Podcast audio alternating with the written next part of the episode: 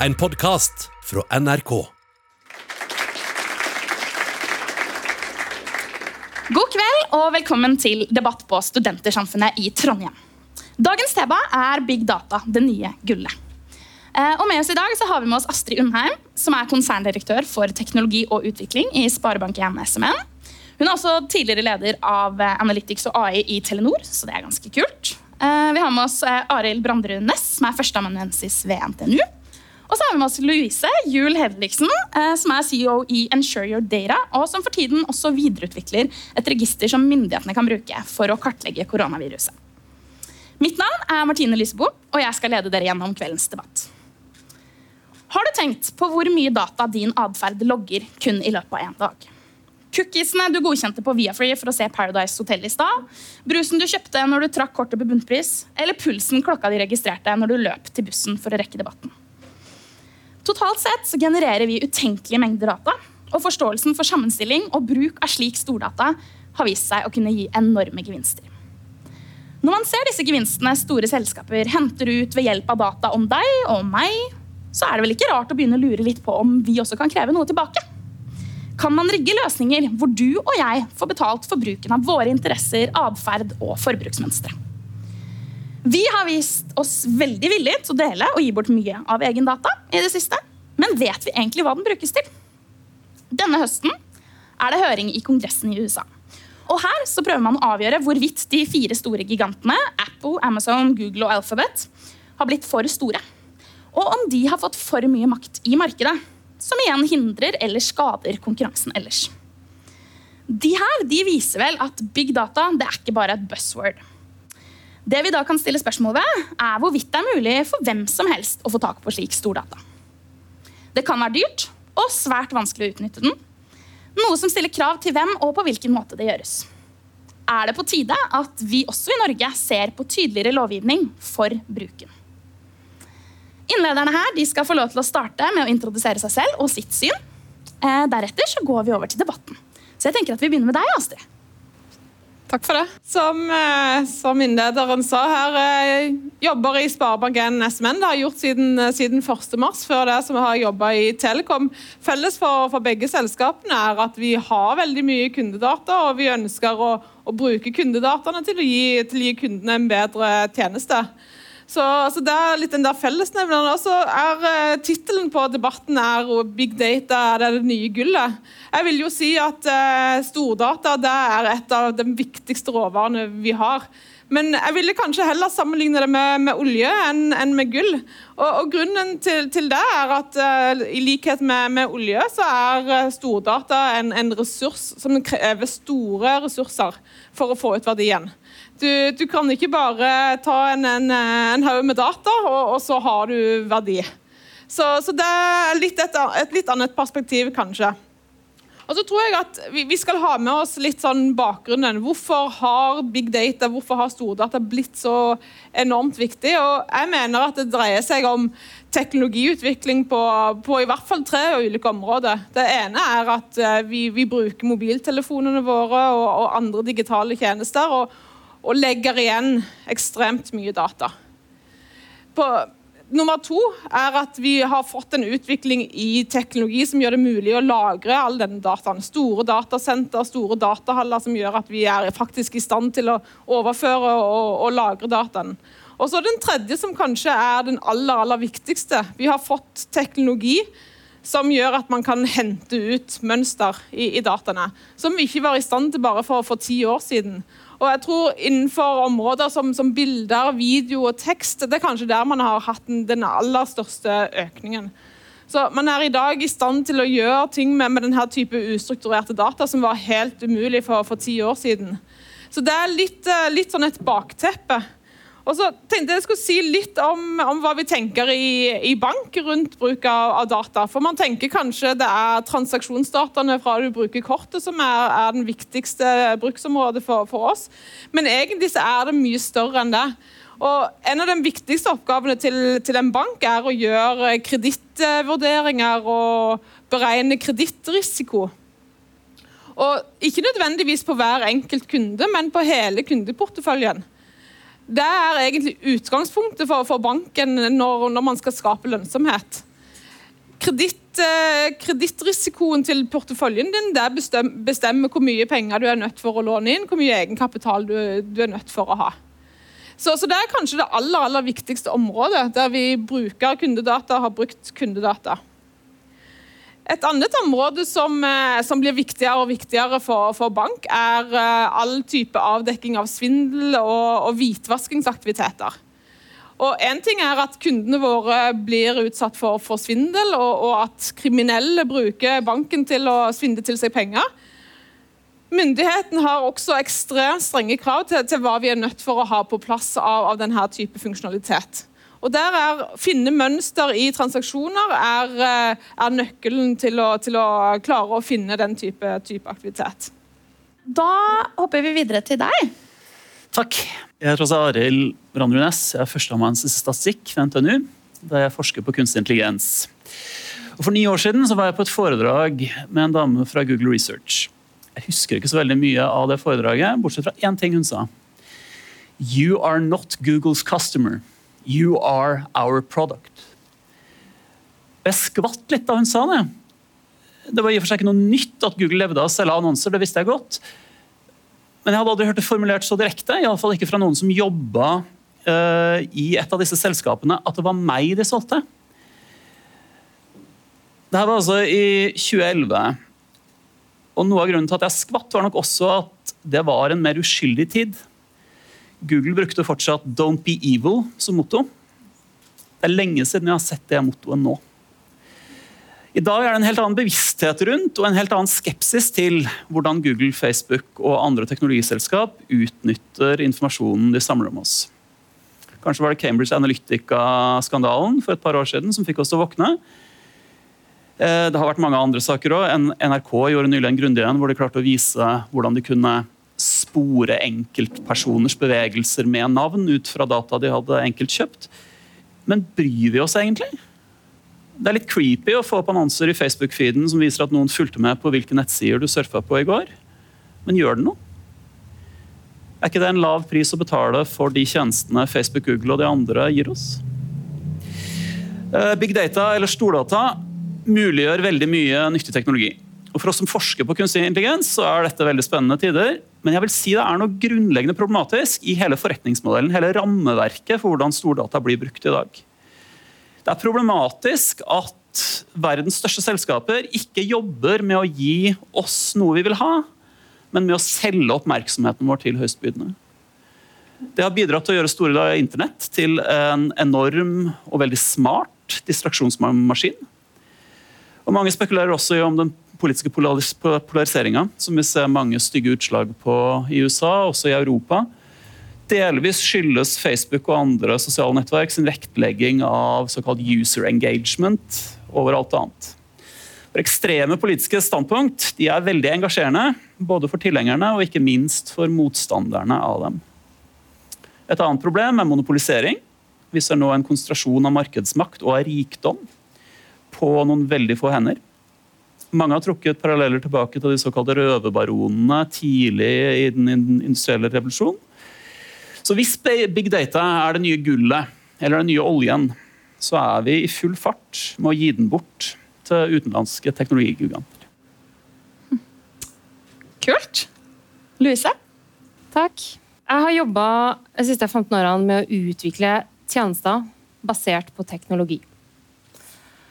Um, hvor mange her føler en utrygghet på hvor sine data er?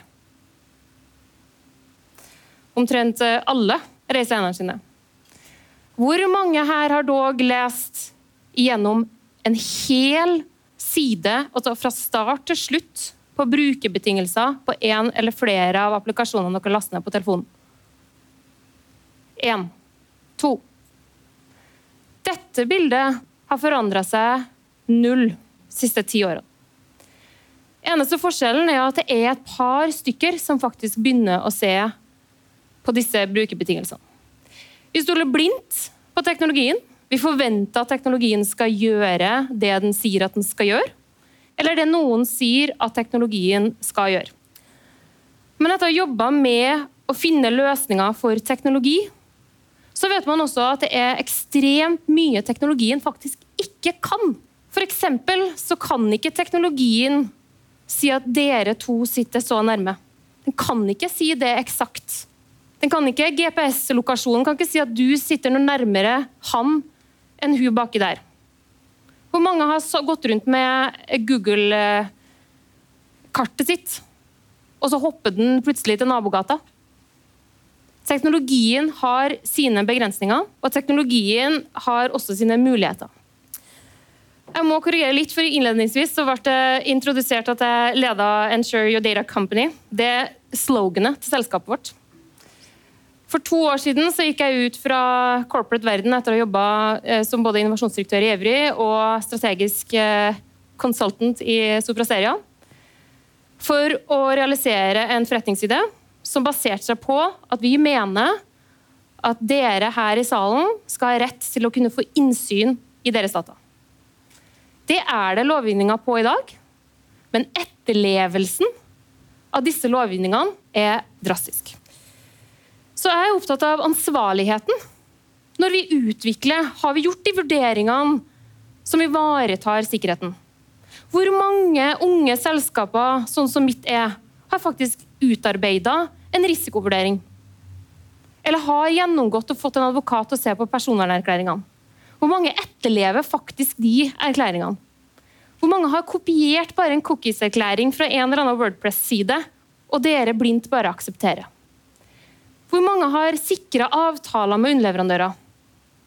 Og Her er essensen i det som skjer når man har datalekkasjer, man har spredning av data fra ett selskap til andre. Fordi at vi som selskaper ikke utvikler ansvarlige tjenester til dere som forbrukere. Så er jeg opptatt av transparens. For jeg mener det at vi som forbrukere i aller høyeste grad skulle hatt tilgang til å vite hva alle disse selskapene vet. Dere kan google og sjekke og kunne se Google-treet. Gå inn på Facebook, let dere frem til den ene plassen langt der inne som viser alle dem de har levert dataene til. Gjør det når dere går hjem etterpå. Fordi det er vanskelig å få oversikt over hvor deres data er. Og det har denne pandemien virkelig satt også understreking på. Supert. Jeg tror vi går Det var en veldig god innledning til første tema her. Eh, for nå tenkte jeg at vi skulle begynne å prate litt om dette her med personvern. Og om logging av stordata faktisk er farlig. Eh, her var det jo litt sånn diffust hva folk kanskje nødvendigvis sier. Er det farlig? Og da så tenker jeg at disse her cookiesene, de boksene som popper opp på nettet, eh, som vi bare godkjenner, da, som vi fikk bekreftet her nå, at det godkjenner vi jo bare, uten at vi egentlig vet hva det innebærer. Hva, hva, hva er det for noe? Hva godkjenner vi egentlig? Arvid?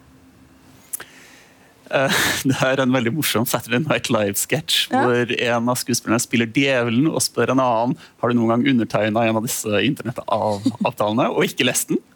Så får han selvfølgelig ja, og så setter han på et bredt djevelsk smil. Uh, nei, hva står i dem? Jeg pleier ikke å lese dem heller. Eh, men uh, Og det er vel også påvist at det er ikke alltid at selv det å lese dem nødvendigvis hjelper. Og jeg mener jo det er en problem for transparensen i, den, i, i denne bransjen som Lyse er inne på. At vi alle utsettes for sånne lange dokumenter på legalese, som man sier på engelsk som ingen forstår.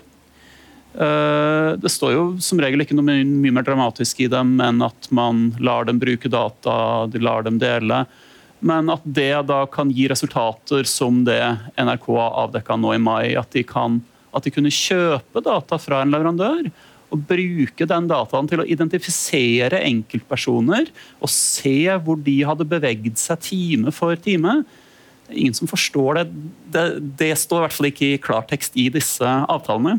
Nei, og de færreste gjør den slutningen. Ja, for Må man være teknolog for å kjenne det innholdet? Er det gjort vanskelig med vilje? Hva tror du, Astrid? Jeg tror det er gjort vanskelig med vilje, og jeg tror at eh, bransjen prøver å på en måte hemmeliggjøre hva som egentlig skjer akkurat rundt eh, cookies-data. Og, og det samme Cookies-data er én ting, men jeg tenker det er nesten like eh, skummelt det som skjer av datainnsamlinger i ulike typer apper. Og, og spesielt apper som, eh, som håndterer lokasjonsdata, som kanskje er en av de mest sensitive dataene, og som, som eksempelet du henviser til. Eh, det er et område som jeg mener man skal være ekstremt eh, forsiktig med. Eh, du, du, bør ha litt tillit til en app-leverandør som du bruker lokasjonstype tjenester hos. Og Det har vist seg mange eksempler med, apper som samler inn lokasjonsdata og ikke bruker den lokasjonsdataen i, i appen engang, men kun bruker den til, til videre salg. Og det er en, en, datatype som er ekstremt verdifull. Ja, ikke sant? Fordi her er du jo inne på det, at da godkjenner vi jo bare gi fra oss all stedsdataen vår. Eh, og du, Louise, sa jo i innledningen din liksom, ok, hvor mange her leser. Leser du, leser du selv disse her? Nei. Og hvorfor ikke? Men godkjenner du? Ja, det gjør jeg også. Ja, for jeg vil ha tilgang Men burde til vi det? Hvorfor burde vi det? Um, jeg tror ikke vi har et valg hvis du ønsker de tjenestene sånn som det er i dag. Um, og så tror jeg også at jeg tror kanskje noen aktører ganske bevisst uh, unnlater å gjøre det tydeligere i klartekst. Mm. Men samtidig så um, tror jeg også at veldig mange selskaper ikke egentlig har den kontrollen de burde hatt. Mm. Um, jeg har selv sittet i prosjekter hvor, um, hvor man med, må begynne å stille de spørsmålene. Altså, hvis dere aktiverer denne funksjonen i dette systemet nå, hva er konsekvensen? Og Da er vi tilbake til det jeg sa innledningsvis, det her med ansvarlighet når man utvikler og implementerer ikke minst systemer. For hvis du åpner for bruk av en rekke tilleggsfunksjoner, i de systemene, så åpner du også for spredningen av den dataen. Og da er du egentlig som selskap ansvarlig for videreleveringa. Mm. Og Poenget mitt er at i disse brukerbetingelsene ofte så står det, det at vi, har, vi forbeholder oss retten til å bruke underleverandører. Og Det må jo kunne være en rettighet, sånn at man kan endre det for å sørge for at tjenestene leveres. Men samtidig så tror jeg også der er det et behov for en økt transparens i forhold til å kunne få tilgang til hva, hva vil da disse underleverandørene eh, faktisk få? Eh, hva brukes det til videre? Og hva godkjenner jeg egentlig når man sier ja til en videre spredning? Mm. Burde vi godkjenne blindt? Ikke blindt, men jeg er enig med Louise. Det er vanskelig å se noe alternativ for de fleste av oss i dag. De som prøver å ikke gi fra seg informasjonen sin. Og da går hen og bruker en Tor-browser og liksom skal unngå å legge en digital store, vi vil veldig fort oppleve hvor vanskelig det er. Så det er lett å bli resignert uh, som individ i møte med dette. her. Derfor mener jeg dette er en så viktig debatt på samfunnsnivå. Mm. Fordi I USA så stiller man seg nå veldig skeptiske til TikTok f.eks. Eh, og dette er fordi Kina eier all den lagra dataen på appen. Eh, bør man tenke på hvilken nasjonalitet eh, selskapet man knytter seg til, har? Og er det farlig for f.eks. en 14 år gammel gutt da, å legge ut ting på TikTok? For hva brukes den dataen til? Altså, for det første så er det jo forskjellig lovgivning i forskjellige land, så ja, helt klart bør man tenke på hvilke land man, man opererer under. og jeg tenker jo at Europa og GDPR, som, som er person, den nye personvernlovgivningen, gir jo ganske strenge begrensninger for hva man har lov til å, å samle inn av data, hva man har lov til å bruke det til. Og, og Det er jo ikke tvil om at kinesiske selskaper opererer under helt andre vilkår. Så jeg må innrømme at jeg er ikke noe TikTok-ekspert. Så, så, litt sånn usikker på akkurat hva slags data TikTok samler inn og osv. Men, men eh, jeg tror det er verdt å være litt skeptisk. Mm.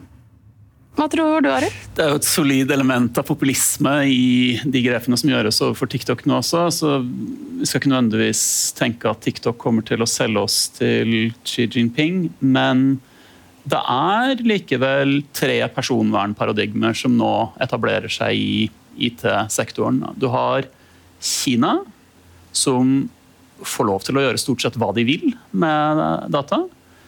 Du har USA, der det jo er en større grad av lovgivning, men private selskap også har ganske frie hender. Du bare har ikke den autoritære staten ennå, i hvert fall, som uh, man bekymrer seg for. Og så har du da Europa, som med GDPR særlig mm. uh, prøver å uh, ta mer hensyn til personvern og menneskerettigheter i vid forstand. Eh, og dette er en dragkamp eh, som er viktig. Men hva vil Kina med infoen fra og om amerikanske barn, da, Louisa? Vet vi det? Hva vil de med den? Um, Du samler jo, samler jo mye data selv. Hva vil man med all denne dataen? ja, vi samler det av andre veldig eksplisitte formål uh, i vår tjeneste. Det står veldig tydelig spesifisert. Um, hva de vil med, med amerikanske barn, det vet jeg ikke. Men uh, det her tror jeg også er et ganske sterkt politisk spill fra USA. Um, og hvor man underbygger også amerikanske selskaper i forhold til deres tjenester, for å sikre at det egentlig ligger innenfor amerikanske selskapers eh, systemer. Men eh, jeg er egentlig litt sånn uenig med hva som sies her, da, at eh, USA og altså Europa er så mye bedre. Eh, dataene våre er jo der. Um, vi, eh, Norge har jo vært svartelista på Amnesty Internationals uh, liste i forhold til menneskerettigheter, med tanke på smittestopp. Uh, det går ikke an å ikke si det, når man legger opp til at uh, Europa faktisk så mye bedre ivaretar menneskerettighetene. For det har vist at man presser gjennom løsninger som er særdeles inngripende på personvernet. Og da er jeg jo glad for at Datatilsynet faktisk har gjort de grepene de har gjort. Men det sagt, så, så er det jo også kan du se til EU. altså mm, eh, Nå jobber jo EU med å se på hvordan europeiske land kan bygge en egen Citizen-database som man skal trade for europeiske innbyggere. Og da tenker jeg, hvor mye bedre er egentlig da EU med eh, deling av eh, off, altså innbyggerdata? Det vi har i Brønnøysundregisteret, det vi har gjennom offentlige tjenester som vi leverer fra oss, fordi vi på mange måter må. Så eh, jeg tror det er et politisk element, og så tror jeg også at det er eh, et ønske om å bruke den dataen og ha eierskap til den, som jeg fra mitt ståsted mener at eh, bør utfordres, i form av at det faktisk er vi som forbrukere, det er jeg som person, som i utgangspunktet skal ha rett på mine data. Ja, her kom det jo en liten uenighet. Da. Er vi naive? Tror vi Norge er skikkelig skikkelig bra, bare?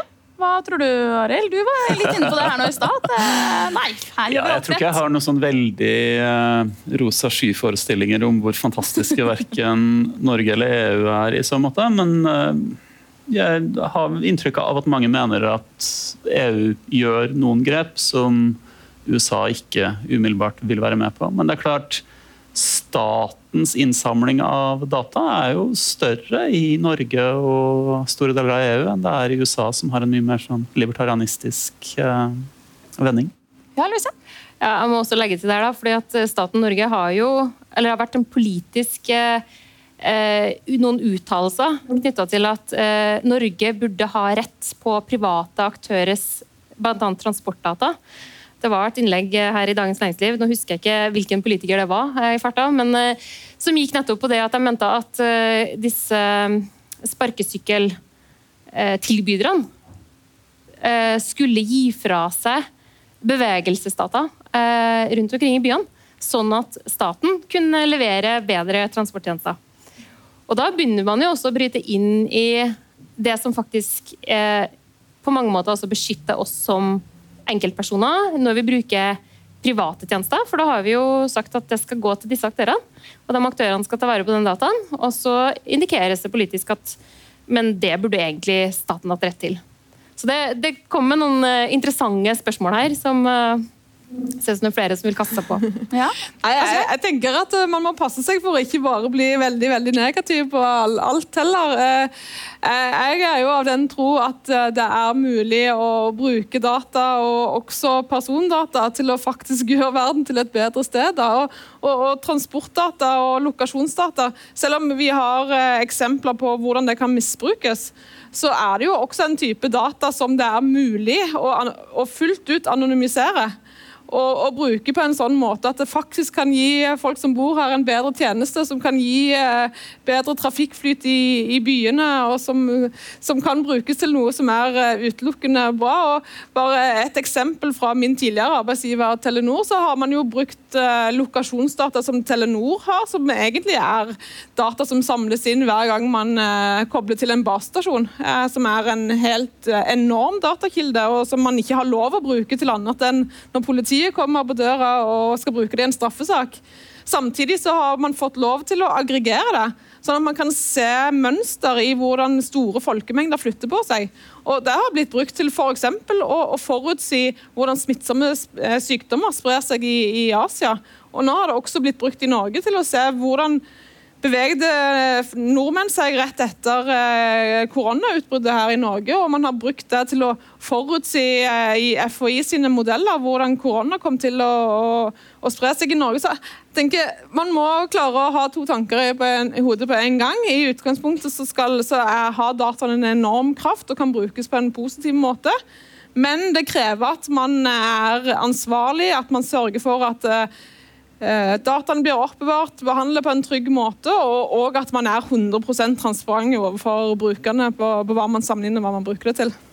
Ja, og Da går vi jo på en måte litt over på et nytt tema. tenker jeg da. Altså det her med, med eierskapet til dataen. For Det er forskjell på hvem, hvem, som eier og hvem som bruker dataen. Som du sier. Eier vi egentlig dataen vi genererer selv? Om ikke, hvem, hvem er det som eier den dataen? Louise? Eh, jeg må bare få en liten kommentar. for Det ja. som Telenor gjør eh, med, med smittespredning, det synes jeg er et ekstremt godt eksempel på hvor private aktører etterlever det de har gjort. Altså det De sier, de avtalene man har med forbrukerne sine i forhold til utlevering. Så det er et veldig veldig godt eksempel eh, hvor man overleverer. Det Referansen min i sted det var hvor man mente man skulle ha full innsyn til disse dataene. Hvem eier dataene? Ja. Um, det finnes jo lover og regler som regulerer også en del rundt eh, gitte sett med data. Altså min rettighet til å slette det, til å endre det, til å kunne uh, gjøre noe med det og få utlevert osv. Der, der, der ligger det noen lover og regler som, som kan variere også fra land til land. Men jeg personlig mener at jeg har, skal ha så mye eierskap til den dataen som overhodet mulig. Eh, vi gir fra oss noe ved at vi gir dataen våre, og vi gir fra oss enkelte ganger noen rettigheter når vi gir den dataen, for at vi får igjen noen tjenester. Eh, men vi har Jeg mener oppriktig at vi skal ha rett til å eie den, til å vite om den, til å vite hva den skal brukes til om ikke vi skal ha retten til å eh, kreve at det ikke skal brukes til enkelte ting. Altså, har, jeg mener vi har det formet for eierskap. Men ok, så ja eller nei, kan, Betyr det at jeg da burde kunne ta betalt for min data? Ja, mener jeg. Ja? Jeg mener du skal, skulle vært gjort i stand til å ta den kutten. Mm. Ari, hva tenker du om det? Det tenker jeg at du burde jo kunne gjøre, men der møter du et paradoks i forhold til dette med data. At stordata i aggregat er voldsomt verdifullt. Din data som enkeltperson ikke noe særlig. Altså, det vil være ganske lett for et teknologiselskap som har data om veldig mange mennesker, å slutte dine data ut fra andre mennesker som ligner på deg. Så liksom, om en og annen sier nei, eller krever masse penger for å gi bort eh, dataene, så vil det være veldig lett for f.eks. Google da, å klare seg helt fint uten det. Uh, en mulig måte å imøtegå det litt på, er om man skal liksom ha en slags sånn interesseorganisasjoner for oss som for forbrukere som forhandler på, på vegne av oss. Det er jo et slags sånn dataarbeid vi gjør for uh, store selskap ved å la dem følge med hvor vi går osv. Eh, og Det er ikke egentlig noen som forhandler på vegne av oss, for vi klikker jo bare OK på disse avtalene uten å egentlig lese dem. Så vi er en veldig lett motpart i de forhandlingene som nå foregår. Mm. Men Astrid, hvilken utfordring ville det gitt dere i Sparebank1 om vi plutselig skulle ha betalt for dataen vår? Godt spørsmål. Altså, sånn Prinsipielt så er jeg 100% enig i at uh, det hadde vært veldig fint hvis hver enkel person kunne hatt kontroll på sine data og eid dem og bestemt hvem som skulle bruke dem og, og til, til, hva.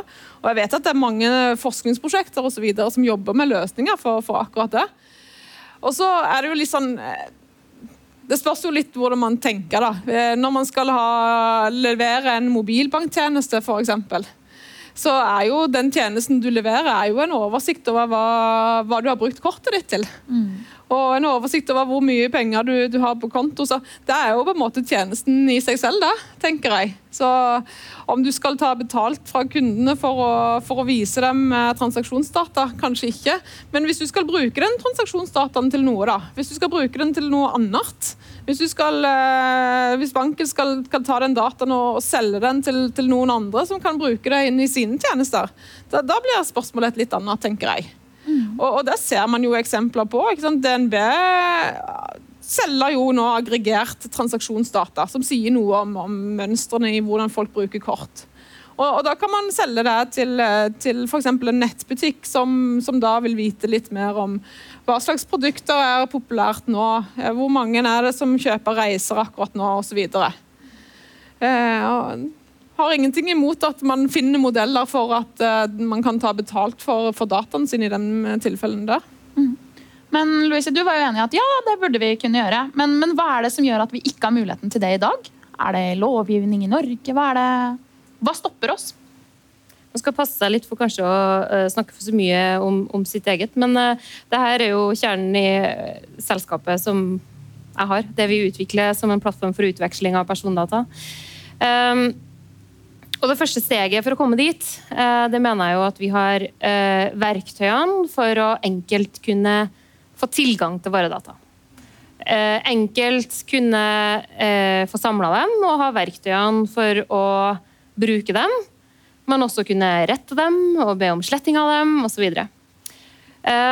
Og det, det er første tjenesten vi, vi utvikler nå. Og eh, Du var inne på her i forhold til mm, eh, organisasjoner. og Det finnes jo en, et, en, organisasjon som heter My Data Global, som er en internasjonal, internasjonalt nettverk av eh, personvernentusiaster. Um, det er organiseringer både i Norge og flere andre internasjonale land som jobber nettopp for det her.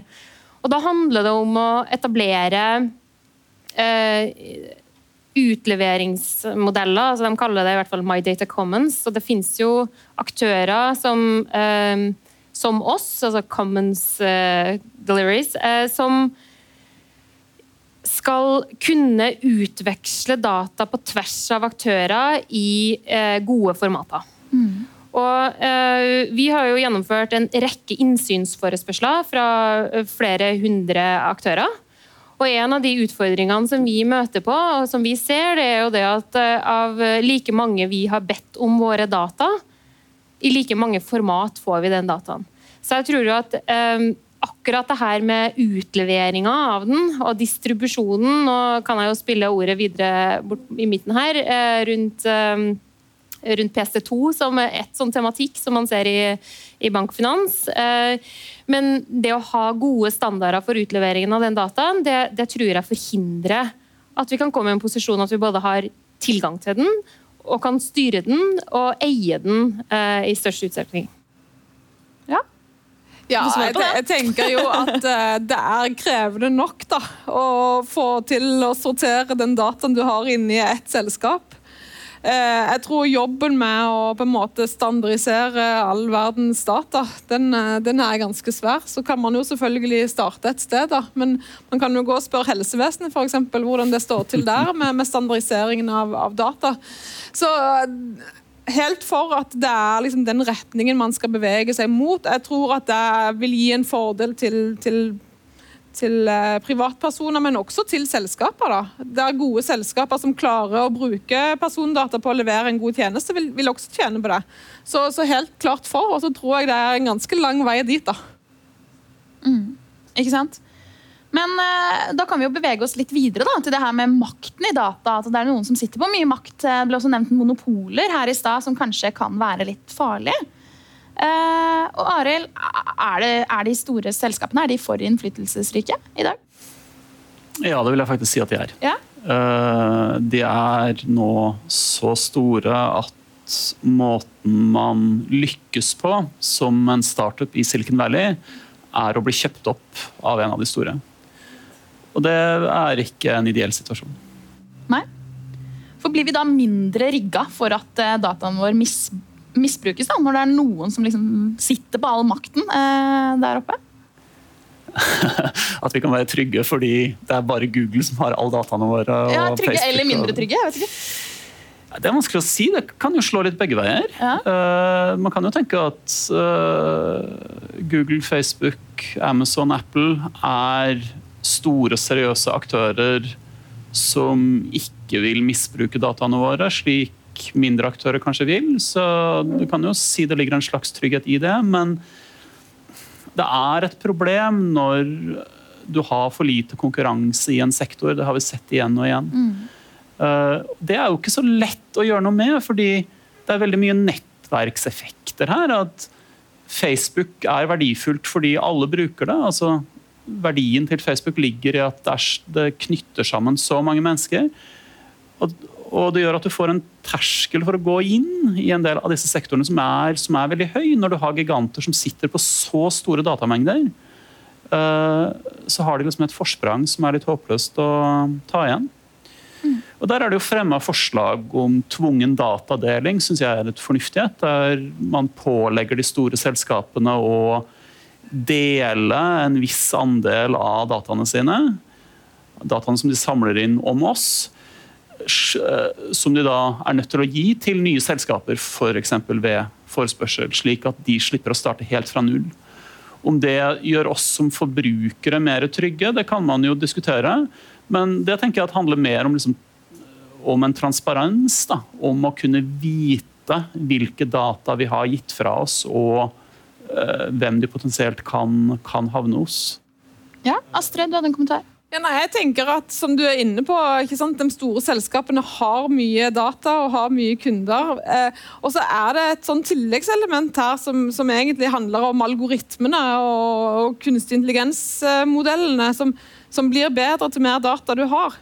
Så, som gjør det bare så ekstremt mye mer krevende å konkurrere med de store. Eh, hvis Google har, eh, har de beste modellene for å gjenkjenne bilder eller for å, for å gjøre oversetting, så betyr det at alle ønsker å bruke deres tjenester fordi de er best, og så får de mer data, så blir de bedre og bedre. og Det er veldig vanskelig å bryte den eh, sirkelen der. da. Det, det er en sånn selvforsterkende sirkel som, som er eh, Absolutt. Men hva syns du om tvungen datadeling, Louise?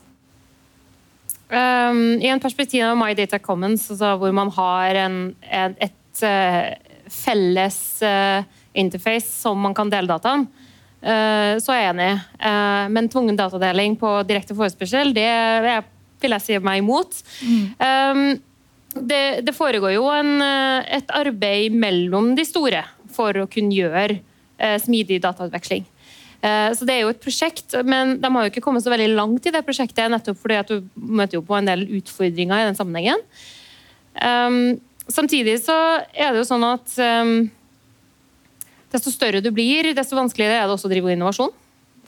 Uh, og uh, du ser jo at noen av disse bryter ut i små, men de har også et behov for at uh, små, nye selskaper skal komme til.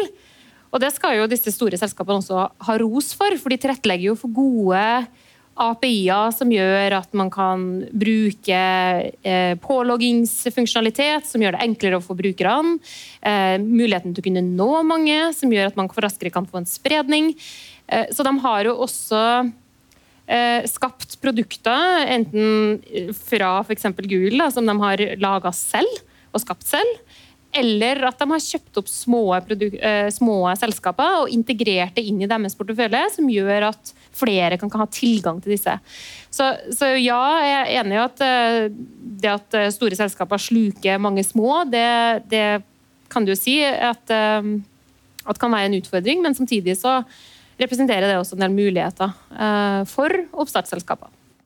Arild, du var jo inne på her i stad at ja, de, er, de store selskapene de er for innflytelsesrike. Men betyr det at stater burde begrense de selskapenes eh, innflytelse i større grad? Skal vi Det tør jeg ikke svare ja på. For dette her er Dette her er veldig kompliserte spørsmål. Og eh, hva er det det heter? Veien til eh, enkle steder er brolagt med gode hensikter. Eh, GDPR har jo hatt noen uheldige virkninger også. Det har jo noen som har påpekt hvordan det har ført til at du skaper et system hvor det blir så mye advokatutgifter ved å, ved å samle inn data, at det er bare de store selskapene som, som får det til. Og Det er jo en situasjon du ikke vil til. Og det øyeblikket liksom stater skal gå inn og bryte opp selskaper, f.eks., er litt problematisk. Men jeg tenker at konkurransemyndighetene trenger å være mye hardere i klypa overfor de teknologigigantene vi har, enn de har vært. Er du enig, Astrid? Ja, absolutt. Og så tror jeg det aller, aller eh, Eller en av de store utfordringene er jo eh, på en måte verdiskapningen som de her eh, selskapene representerer, og hvordan den forsvinner ut av, av andre land. ikke sant?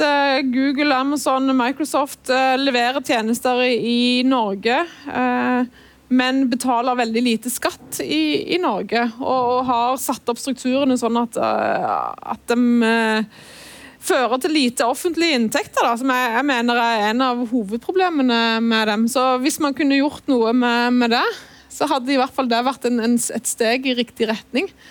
Og så tror jeg ikke at uh, nødvendigvis de her selskapene skal bli så enormt mye større før man er nødt for å gjøre noe uh, for å bryte dem opp. Ja, Louise, Hvor mye makt ligger i dataen som de har i dag? De største? Er frykten vår overdreven? på en måte? De kan ha mye makt. De kan være med å endre spillereglene og, og styre markedet. Det kan de. Um, og Det er jo litt av det som debatteres i Kongressen også. altså at Rettighetene og mulighetene til å kunne, kunne styre og påvirke den enkelte person med både politiske syn og interesser, eh, basert på algoritmene. Um, og jeg tror jo at det, det er behov for en regulering uh, i en eller annen form, om det er på databruken eller om det er uh, politisk og samfunnsmessig. Um, men det, det, hovedspørsmålet her handler jo tilbake om hvem skal da sitte med den makta. Altså, hvor skal, hvordan skal den maktdynamikken utspille seg? Ja, er den Um, global? er den nasjonal? Er den Den er jo global, fordi Ja. at eh, et selskap er ikke lenger bare nasjonal Nei. når det gjelder internett. Da er, da er, du, da er du egentlig eksponert internasjonalt eh, fra første stund. Ja, Astrid? Jeg er kanskje ikke så veldig bekymra for, eh, for personvernet, selv om jeg er bekymra for det. Men jeg er enda mer bekymra for hvordan store selskaper tar seg inn i, i land og tar markedet og, og presser ut eh, nasjonale selskaper. Jeg er skikkelig bekymra for når Amazon jeg har jo gått inn i, i Sverige nå. Når Amazon kommer hit, og basert på all data de har samlet inn, basert på sine algoritmer, er i stand til å levere tjenester til, til norske kunder. Mye mer effektivt, mye billigere, og mye bedre enn norske selskaper. Jeg er bekymra for hva de gjør med norske arbeidsplasser. Det er faktisk den største bekymringen jeg har. Mer bekymra for, for det enn enn for at uh, de eventuelt skulle selge dataene mine om hvilke bøker jeg liker. Ja, Hva tenker du, Arild? Om det? Uh, Bekymra for norske arbeidsplasser? Ja, det kan jeg være. Uh, Det kom en god bok om dette nå nettopp, som heter uh, Det store spillet. Hvordan overleve i algoritmenes tidsalder. Der forfatteren Bård Stenvik holder fram et litt sånn dystopisk framtidsscenario der vi bare blir en litt sånn bananrepublikk. Da. En, eh, et land som bare leverer data til uh, de store selskapene, som om de nå ligger i Amerika eller andre steder. Han holder fram eksempel eksempelet med hvordan så mange norske skoler, nå særlig i koronatida, det er en, på en utvikling som har gått en stund, bruker Google sine tjenester for e- e-læring. uh, og der Google har lovt at de skal ikke bruke dataene de henter inn til å annonsere til barn. eller sånn. Men Hvis man bare ser på det litt mer sånn troskyldig, at de bare bruker disse dataene til å forbedre tjenestene. Hvis de da gjennom å gi tjenester til barna våre her i Norge og eh, barn i andre eh, i-land klarer å utvikle en tjeneste som da er så mye bedre, som liksom bare funker, så vil det være veldig vanskelig for den norske stat for eksempel, å utvikle sin egen e-læringsplattform senere. Da havner man fort i en situasjon hvor man må betale for Google sin tjeneste, som de da kanskje har begynt å ta litt penger for. Uh, og man sitter igjen og da bare betaler for verdiskaping som ligger et annet sted. Og da, da, leder du meg litt inn på liksom, mot det siste temaet jeg tenker vi skal ta litt her i dag. Da, da må vi se litt inn i fremtiden. Eh, og Du snakker jo om det her med Norge nå. og Har Norge en tydelig nok satsing på potensialet i stordata? Hva tror du, Louise? Ja, Du skulle plassere den hos meg først, ja.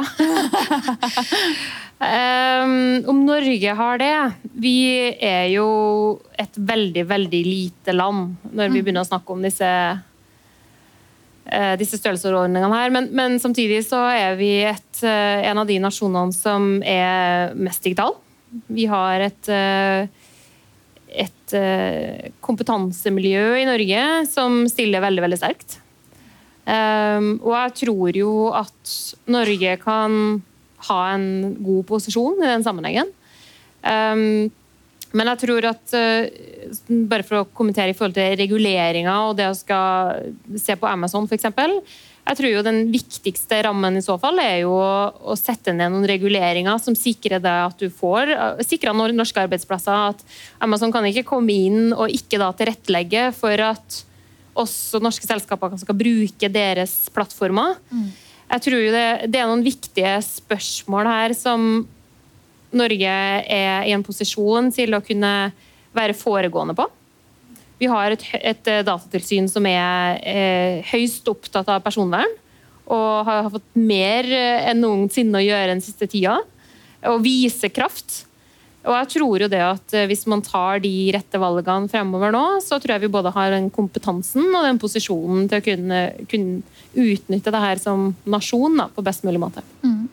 For du Astrid, sa jo at det kanskje er en av dine største bekymringer. At vi ikke ja, jeg er jo i utgangspunktet uenig. Uh -huh. Jeg tenker at ja, vi har en digital befolkning som er flinke til å ta i bruk digitale tjenester. Men jeg mener ikke nødvendigvis at vi er så veldig godt stilt når det gjelder kompetanse til å utvikle digitale tjenester og datadrevne tjenester i, i Norge. Da. Og jeg tror det er en av nøklene fremover. Eh, jeg tror det viktigste vi, vi gjør, er å, å sikre eh, kompetanse og eh, rammeverk for at vi skal kunne lage datadrevet industri i Norge, og så eksportere den. Og så tror jeg at selv om norske selskaper får solgt eh, tjenestene sine via, via Amazon, så stikker Amazon av med, med kunde, kundebetjeninga.